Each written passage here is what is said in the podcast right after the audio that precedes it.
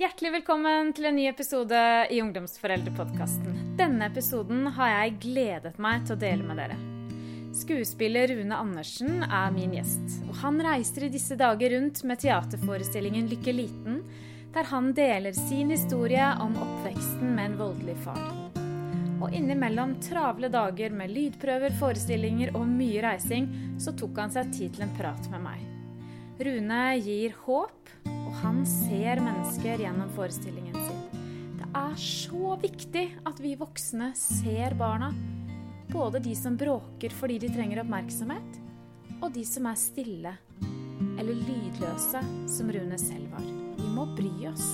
Og i denne episoden får du vite mer både om historien til Rune, og du får gode eksempler på hva du kan gjøre hvis du ser et barn og kjenner på uro og bekymring.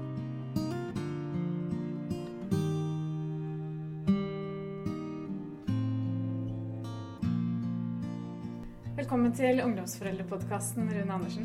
Tusen takk. Jeg var og så på forestillingen din Lykke liten i går i Aske kulturhus. Og det var en veldig, veldig fin opplevelse. En veldig sterk opplevelse. Du gir veldig mye av deg selv i den forestillingen. Eh, jeg, gjør vel, jeg gir vel alt jeg har, egentlig. For det er en viktig historie å fortelle. Altså Forestillinga er større enn min historie. Altså meg og min historie er egentlig litt underordna. Det det egentlig gjelder, er en, et tema som angår titusenvis av barn som står i dette daglig i dag. Hver dag, tenk deg det, hver dag så opplever de lignende ting og, og også verre ting. Uh, og det å bringe det temaet opp på en scene og be, prøve å bevisstgjøre mennesker som uh, har mulighet til å gjøre en forskjell for de barna, det, det, er det som er, det er saken. Det er det forestillinga egentlig handler om. Så min historie er egentlig bare middelet for å prøve å nå et større mål. Jeg har ikke noe behov, jeg har aldri hatt heller noe, egentlig noe behov for min egen del til å fortelle min historie. Uh, hadde ikke tenkt jeg skulle gjøre det noen gang. Uh, men så var det Ada Sofie Austegard i Stine Sofie-stiftelsen som sådde frø for noen år siden. Uh, for jeg er ambassadør for Stine Sofie-stiftelsen, og vi har vært på en del sånne arrangementer opp igjennom rundt forbi landet. Og vi har sittet og prata litt utover kvelder og sånt. Så hun kjente litt til min bakgrunn og mente at uh, dette er jo noe du bør fortelle. Dette er jo en teaterforestilling, sa hun. Det, det, da skjønte jeg ikke hva hun snakka om for noe engang. Um, så modna det uh, noen år, og så kom det en regissør som heter Pål Mango Kvammen og sa at dette må du fortelle. Altså livet ditt er en, en teaterforestilling. Uh, og jeg syns fremdeles det var veldig merkelig og rart. Men vi begynte å jobbe med det. Uh, og jeg så en, Han viste meg en forestilling av Billy Crystal som heter 700 Sundays. Der Billy Crystal forteller om sin barndom, som egentlig var veldig flott barndom. Men han mista sin far når han var 12-13 år gammel. Og han hadde regnet ut at han hadde fått 700 søndager sammen med sin far. Der er navnet på forestillinga. 700 Sundays. Og den var så gripende og sterk. Vi satt og grein, to voksne menn så for den her på, på video og grein. og og sa ja, ja men skal, da skal jeg jo klare å gjøre det. Og så er det blitt litt sånn at eh, Og, og jeg har fått så mye tilbakemeldinger også, som går på akkurat det at når de ser forestillinga, så tenker de at ja vel, hvis han kan snakke om det og tør å gjøre det, så kan jeg òg gjøre det. For tenk, det er akkurat det. Det er akkurat det som er så fantastisk med at du våger nå å gå ut og fortelle dette på en scene. Um, det, er, det er virkelig med på å få ned dette her som et For det er jo et tabu, tenker jeg, på mange måter. Det er det. Men du sier jo selv at du, du kunne ikke sette opp denne her før mammaen din var død. Nei, jeg kunne ikke gjøre det. Og det hadde jeg lovt da. Og det var, det var noe jeg snakka med henne rett etter at pappa døde. Så det er så langt tilbake som 85. Eh, og der hun sa det, bare vær så snill og vente, jeg er ikke her mer. Og det, det gjorde, gjorde, vi, eller jeg. For det er ikke egentlig bare meg her. Vi er fire søsken som deler denne historien. Som deler oppveksten og barndommen. Og det var noe vi måtte snakke Vi hadde ikke snakka om dette på 40 år, tenkte det. Altså, delvis grunn Av skam, egentlig. For vi følte det skamfullt. Uh, at uh, vi Hva var det med oss som hadde opplevd dette? Og det er det barn ofte gjør. De tar på seg hele skylda, de. Uh, tenker Det er sikkert vi som gjør at mamma eller pappa er sånn og sånn mot oss, eller onkel og tante, eller hvem det er. Eh, at de er sånn. Det, det, det, er sikkert noe vi har sagt eller gjort. Eller kan du huske selv at du, at du, hadde de tankene? Ja, det husker jeg veldig godt. Det, det er sånn, og, det, det, og det er jo forestillinga mi på å gjøre òg, at jeg snakker om dette nesten daglig. Og, og blir så bevisstgjort på det sjøl. Og det har for meg sikkert hatt en terapeutisk effekt langt over det jeg hadde sett for meg. Jeg hadde ikke sett for meg at jeg trengte noe, noe terapi for dette her. Eh, og jeg har aldri hatt det, og aldri søkt det heller. Men denne forestillinga er med på å gjøre det. Men jeg husker veldig godt sånn eh, når pappa slo mamma Det høres rart ut bare å si det, for det, det, bare det er rart at det, vi opplever Men når han gjorde det, så tenkte jeg ofte, og søstera mi nå, nå, Hva er det vi har sagt eller gjort? Hva er, hva er, det, hva er det, vi har gjort og, som, som, gjør at han gjør det nå? Han er sinna pga. oss. Og han sa det til oss òg. Eh, at det er, det er dere som, som får meg til å gjøre dette. Og mamma òg. Det er du som får meg til å gjøre det. Altså han, han var lei seg etterpå, når han kom til seg dagen derpå. Eh, kom til seg, Så var han lei seg, men, uh, men skylda tok han aldri. Den var vår. Så skammen og skylda var vår. Og, vi, og derfor så ønska vi ikke å fortelle det til noen heller, for vi skamma oss. Ja, Fordi dere trodde det var deres skyld? Ja, vi gjorde det. Og Sånn tror jeg det er veldig mange barn som har det når det gjelder mange ting. For barn tar veldig ansvar for foreldrene sine, egentlig. De gjør det. Det, det er de mest lojale skapningene som finnes på denne jord. Og de er de svakeste av oss også. De er helt avhengige av, voksenpersoner som, som, står opp for dem, og som tar vare på dem øh, og beskytter dem. Og også gir dem omsorg og kjærlighet. Så, det, så de tenker også når ikke vi får det For de tar, dette tar de, barn tar dette for gitt. En gjør jo det de som mamma og pappa de rundt oss, selvfølgelig vil de at vi skal ha det bra. Og hvis ikke vi får det bra, eller hvis de er slemme mot oss eller slår oss, eller gjør, så har de en grunn for det. Og det, det er sikkert vi som er grunnen. Tenk på barn. Ja, ikke sant? Og så tenker jeg Barn har ikke noen andre erfaringer heller. Så de vet Jeg tror det er en del barn som ikke vet om dette egentlig er vanlig. Eller om, mm. om det de opplever, er noe som de ikke skal oppleve, og noe som er annerledes. Eller om dette er noe som også skjer hos andre. Så det kan være vanskelig for barn kanskje å skille. Eh, hvordan var det for deg? Forsto du at det som skjedde hos deg, var, var, det var sånn det ikke skulle være? Sånn det ikke var hos andre? Vi skjønte nok at uh, dette var annerledes, og på en måte sånn det andre hadde det nok ikke. Ikke, alle, ikke så mange hadde det sånn, men vi tenkte også at alle har sitt. Eh, tenkte vi. Sånn, alle i blokka. Vi har 27 leiligheter, 27 familier i hver blokk. og det var var fem blokker rundt her, så vi var mange, mange, familier tett på hverandre. Og alle hadde sine ting. og sånt. Det var ikke bare vi som hadde bråk. Men jeg tror nok vi var Det var ikke så veldig mange andre som hadde det.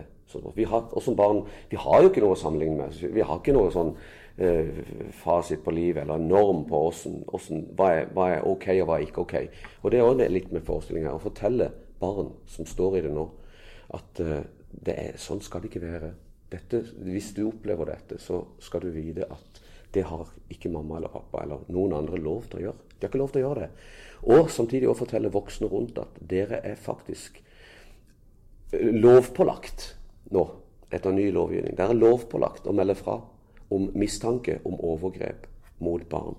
Det, det, det som å forlate et, et ulykkessted uten å, å, gjøre det du kan for å for å, for å, bedre det og for å lette situasjonen for de som er oppi det. Det er like, like ille som det. Uh, og hvis en klarer å gjøre det gjennom, det, gjennom det, denne forestillinga av Lykke liten som jeg holder på med, så, så, er, så er, det, det det er det jeg egentlig ønsker å gjøre. Men ok, det er lovpålagt. Vi, vi, vet at vi skal ta tak i det. Vi har ikke lov til å gå forbi det. Mm. Uh, men likevel så tror jeg det er mange som gjør det. Mm. Jeg gjør det, eller har gjort det. Og jeg kanskje jeg kommer til å gjøre det igjen sjøl selv også. Selv jeg, som har stått oppi det sjøl og er så bevisst på det, uh, har måttet ta meg i det. At uh, hvis du ser noen på butikken, eller på Leos legeland var jeg på, av alle ting Og heldigvis, jeg er så glad for det at jeg sa ifra da. Men uh, jeg tenkte på, på, det. Hvis dette hadde vært for noen år siden, så hadde jeg sannsynligvis bare gått forbi, jeg også. Og det er det vi ikke skal gjøre. Uh, og da var det en, altså, Hvis du ser noen på butikken som rasser til barna sine og skjeller de ut og, og gjør de vondt på en måte som at dette er ikke greit, dette er ikke ok, så har vi så veldig lett for å bare sånn Ja, jeg har ikke noe med det. Eh, de får, det er sikkert tenker det er sikkert en grunn for det. Eller det er kanskje de har, det er sånn de har det. Men det er ikke OK. Og det er, vi skal si ifra. Og jeg var på Leos legeland, jeg må bare nevne det. da det er jo et sted der barn skal oppleve gøye ting og ha det moro. og Foreldrene sitter rundt bordet som voksne og gjør det, og så kan ungene løpe rundt og leke. Eh, så satt jeg med et bord sammen med, med, kona mi, og vi hadde to barn som var rundt og lekte. Så satt vi der, og så satt en liten gutt på nabobordet som kan ha vært en fire-fem år gammel.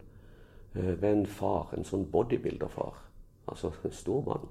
Eh, relativt unge folk.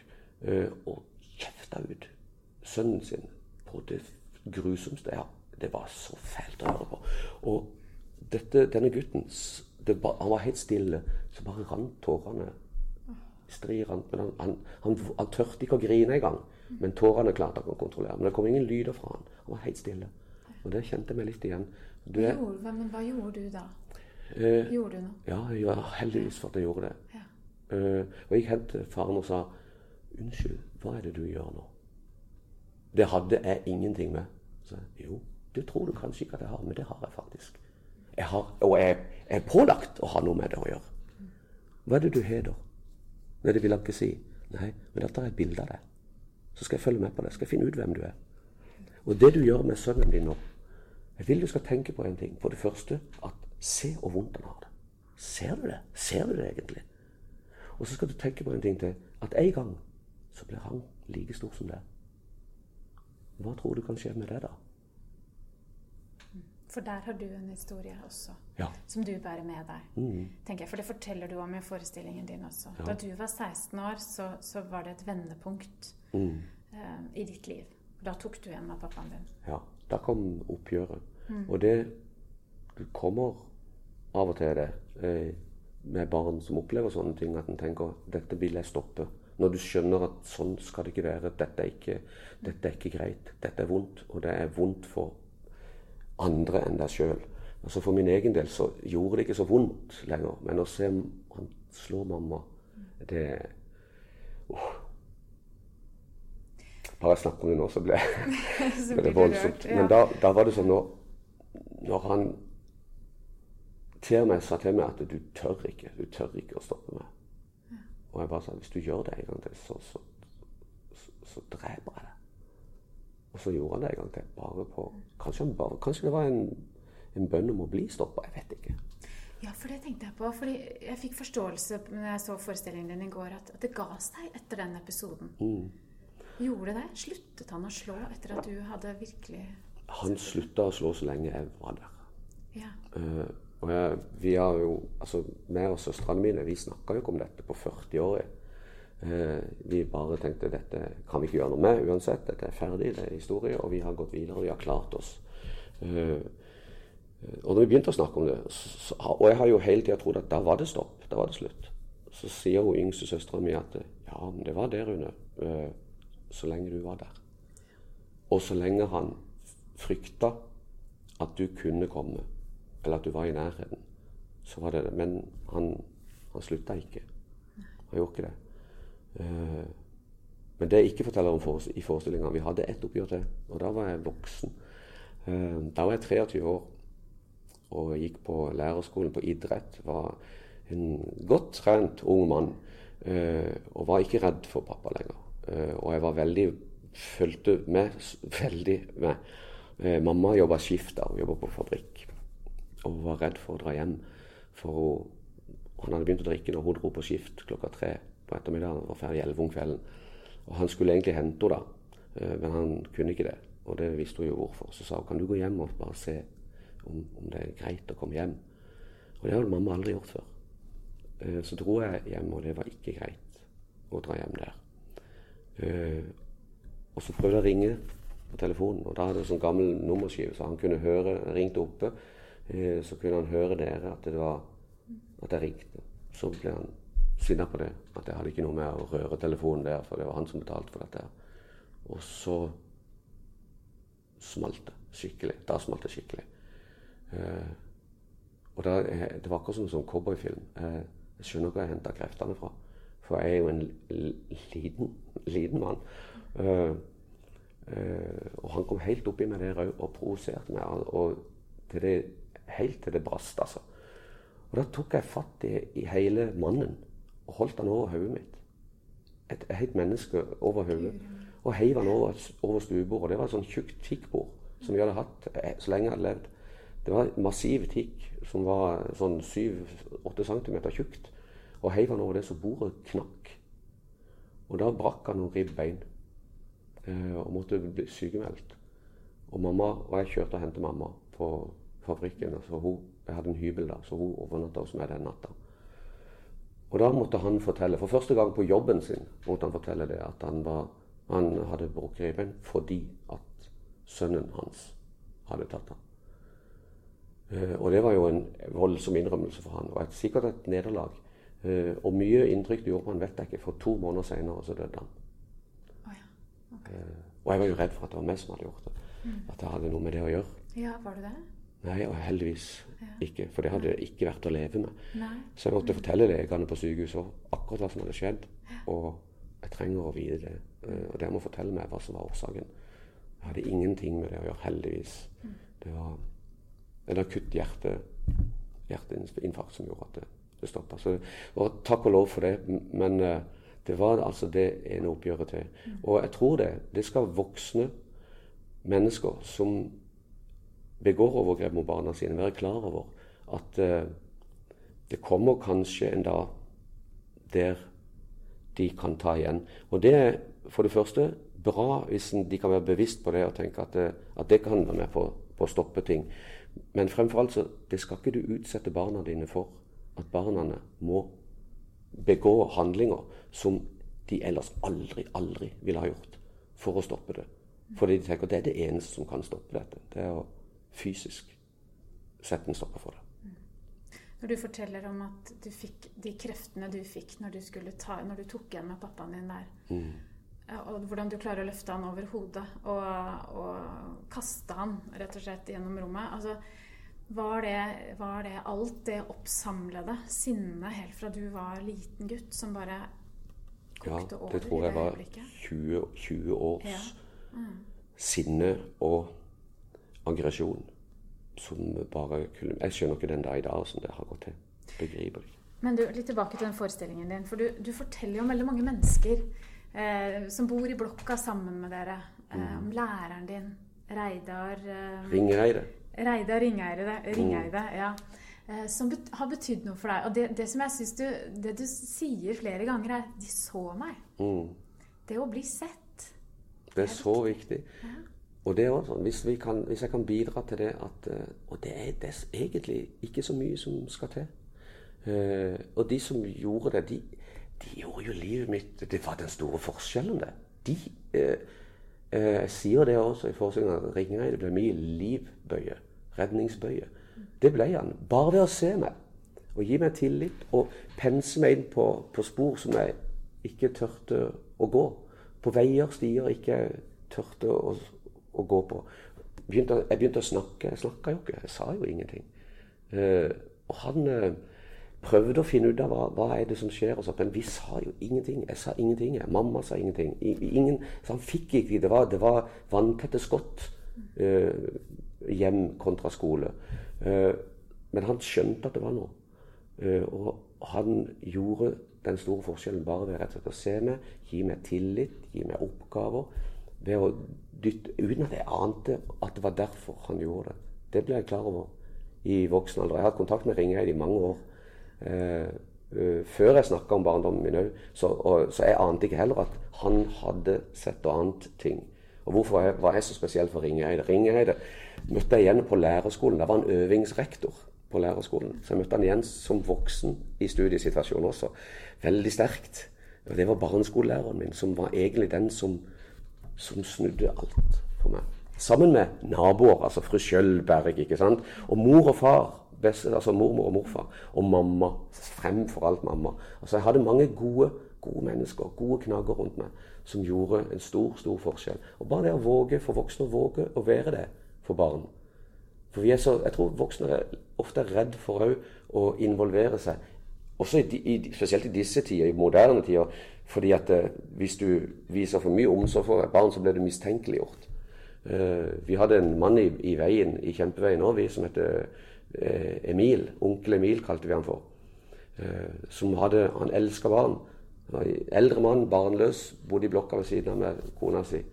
Eh, og hadde alltid gikk tur hver dag med hatt og dress og solbriller. og en staselig eldre mann. Så kjøpte han sånne små peanøttposer. De kosta 25 øre den gangen. altså bitte små peanøttposer, Og sånn 50 øres sjokolade. Så Rigel og Risla. Så han var med i lomma. Og da når han kom inn kjempeveien, så løp alle ungene ut mot han og ropte 'Onkel Pia, onkel Pia', kalte vi det for. Peanøtter. ikke sant, onkel Pia. Så fikk vi, sto han der, så, så fulgte, han, fulgte han oss hen til blokka, så gikk han videre og bodde blokka bortenfor. Og det var det. Hadde det vært i dag, så hadde han sikkert blitt anmeldt. Men han var også med på å gjøre en forskjell. Men i dag så, så gjør en jo En er jo livredd for å gjøre sånn. Men det som er så fint, synes jeg, som du da setter ord på i forestillingen din, det er at de voksne rundt deg, de trengte faktisk Det var ikke så viktig det at de spurte deg. De trengte egentlig ikke å gå inn i det av hvordan dere hadde det hjemme, men de kunne se deg gjennom å gi deg uh, risengrynsgrøt. Ja. Mm. I den episoden der, gjennom å ta deg med på sommerferie til Jomfruland. Mm. Altså, Um, om, man, om, man, da som voksen gir beskjed til myndighetene, til barnevernet, men overfor barnet så kan man egentlig bare være en trygg mm. voksen. Man kan det. Det syns jeg du viser så fint. Det, og det er, så, det er, så, utrolig viktig, for det er, det er, sånn Det er den store, store forskjellen for barn. For barn jeg, jeg hadde heller ikke den gangen, tror jeg, under noen omstendigheter snakka om det. Så om de hadde spurt meg, så hadde jeg nok ikke sagt noe. Uh, men de gjorde ikke det. Men de så meg, og de hørte meg. Uh, og de var der. Mm. Og, og, tok sånne små grep som uh, bare åpne døra si. Kom inn. Ja. For risengrynsgrøt. Mm. Uh, fru Skjølbøger med stekte fiskekaker. Og, og, dette var Det var sånn Skal vi si du, du blir som barn så takknemlig for noen som bryr seg, og som våger å å være der for deg. At det, eh, det var med på nok sikkert på å redde livet mitt sånn som Altså i forhold til at jeg har fått et bra liv. For jeg lever jo et fantastisk liv. Så jeg vil ikke være noe offer. Jeg, noe, jeg vil ikke ha noe offerrolle. Nei, og det, det syns jeg ikke du får heller. Gjennom, selv om du står på scenen og forteller denne historien, så, så får jeg ikke følelsen av at du er det. Nei, jeg Nei. føler meg ikke som det. Og jeg har ikke noe ønske om å være det heller. Eh, men jeg har behov for å sette ord på det for å fortelle andre at det er dere, dere det er ikke dere som har skylda. Det er ikke barna. Det er aldri barnets skyld. Aldri er det barnets skyld. Å og plassere ansvaret der ansvaret hører hjemme, nemlig hos overgriperen, hos den voksne. Jeg må si, Den dag i dag så er det rart for meg å snakke om pappa som en overgriper. Men det var det han var. Det var faktisk det han var. Uh, og for barna å Og vite at seinere hen så har jeg òg et valg. Det handler litt om valg i livet òg. Eh, jeg får daglig tilbakemeldinger og historier uh, fra mennesker som har opplevd lignende ting. Uh, mange mye verre ting. Og så er det et under at de er i live i det hele tatt. Men mennesker som ikke det har gått så bra med. For det er mange det ikke går bra med. Det er mange som ikke får et godt liv pga. barndommen sin. og det en, dette er en eldre mann Eh, som, eh, som ikke har et bra liv, og som må ha fortalt historier som er helt forferdelige. At det, at det går an, tenker jeg bare. Eh, der vi har snakka mye om at Men hva kan du gjøre nå, da? For det, nå er det bare han som kan ta de grepene. Nå er han bestefar. Sant? Eh, og hans far er borte for lenge siden. Han kan ikke gjøre noe med det som har hendt, men du kan gjøre noe med livet ditt nå i dag. Nå kan du gjøre det. Så hva, hva, kan du gjøre nå? Er det noe du kan begynne med? Er noe du kan slutte med? Er det noe Og det er det jo. Det er det jo alltid. En kan ta grep sjøl òg. Så det fins et valg. Sjøl og fælt livet ditt kan oppleves. Men hvis du går inn i offerrollen og, og, og velger å være offer, velger den rollen, for det er et valg, det, så, så pådrar du deg noe som du ikke skal, ikke skal behøve å gjøre. For da har overgriperen vunnet, tenker jeg. Da har den som gjorde det, vondt. Da har han virkelig, han eller hun virkelig vunnet. Uh, så den skal ikke få ta resten av livet ditt. Så begynn nå, selv om du er 70. Ja, Det tror jeg er kjempeviktig. Men samtidig så tenker jeg ja, det å, om man vil være et offer eller ikke, det er et valg. Men samtidig så trenger man nok kanskje Jeg tror man trenger å ha noen som har sett den, for å ha styrken til å, å klare å ta det valget med å ikke være et offer. Ja, men det som var fint med, med han, var jo Han hadde sett forestillinga. Det begynte med han hadde sett Vårt lille, lille land, der jeg fortalte om, om, om meg og søstrene mine fortalte om oppveksten vår. Og da, eh, da kunne han Da fikk han Da følte han seg sett, på et vis. Det er jo meg. Jeg har jo Det, det er jo Mye av dette er ganske likt.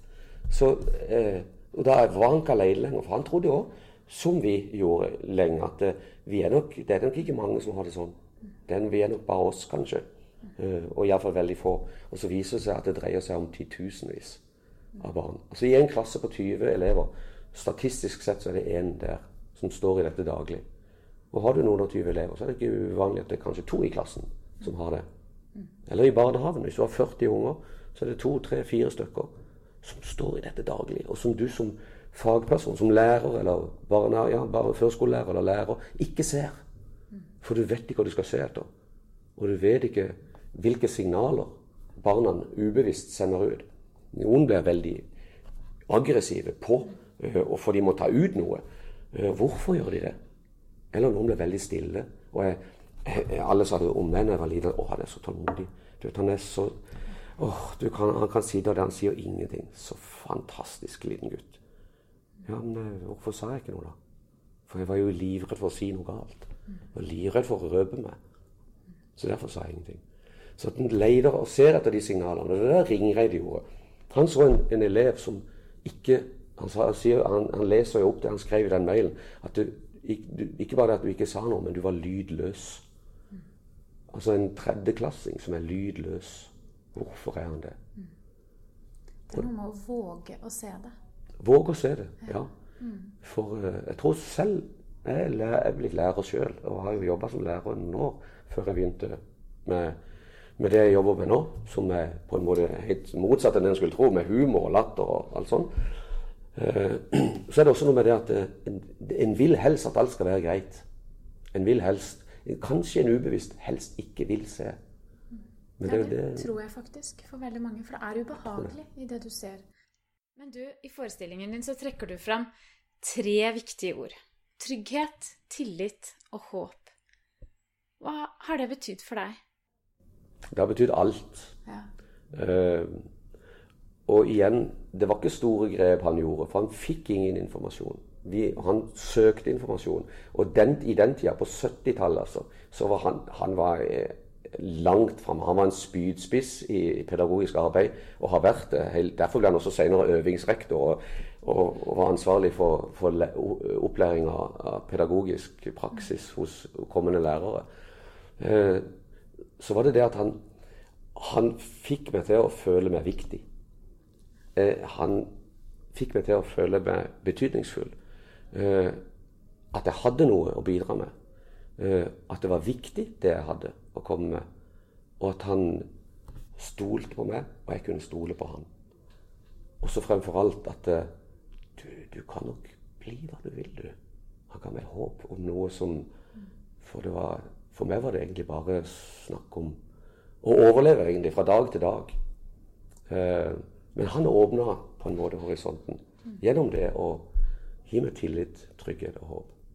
Vet du hva jeg tror, Rune? Gjennom forestillingen din så tror jeg at du ser veldig mange av de barna som lever i dette akkurat nå. Og så tror jeg at voksne som har opplevd dette, føler seg sett. Eh, jeg tror det er utrolig betydningsfullt. Tusen takk for at du deler din historie på den måten. Og så tror jeg du gir veldig mye håp. For du gir håp om at det kan gå bra. Mm. Det kan bli et bra liv selv om man har opplevd vonde ting. Det, det gjør det. det mm. Ikke bare kan det gjøre, men det, det gjør det hvis en uh, tar tak i det. Altså det, det som har skjedd, kan man ikke gjøre så mye med, men en kan gjøre noe med dagen i dag. Og for Guds skyld, se de små barna. Mm. Tusen takk.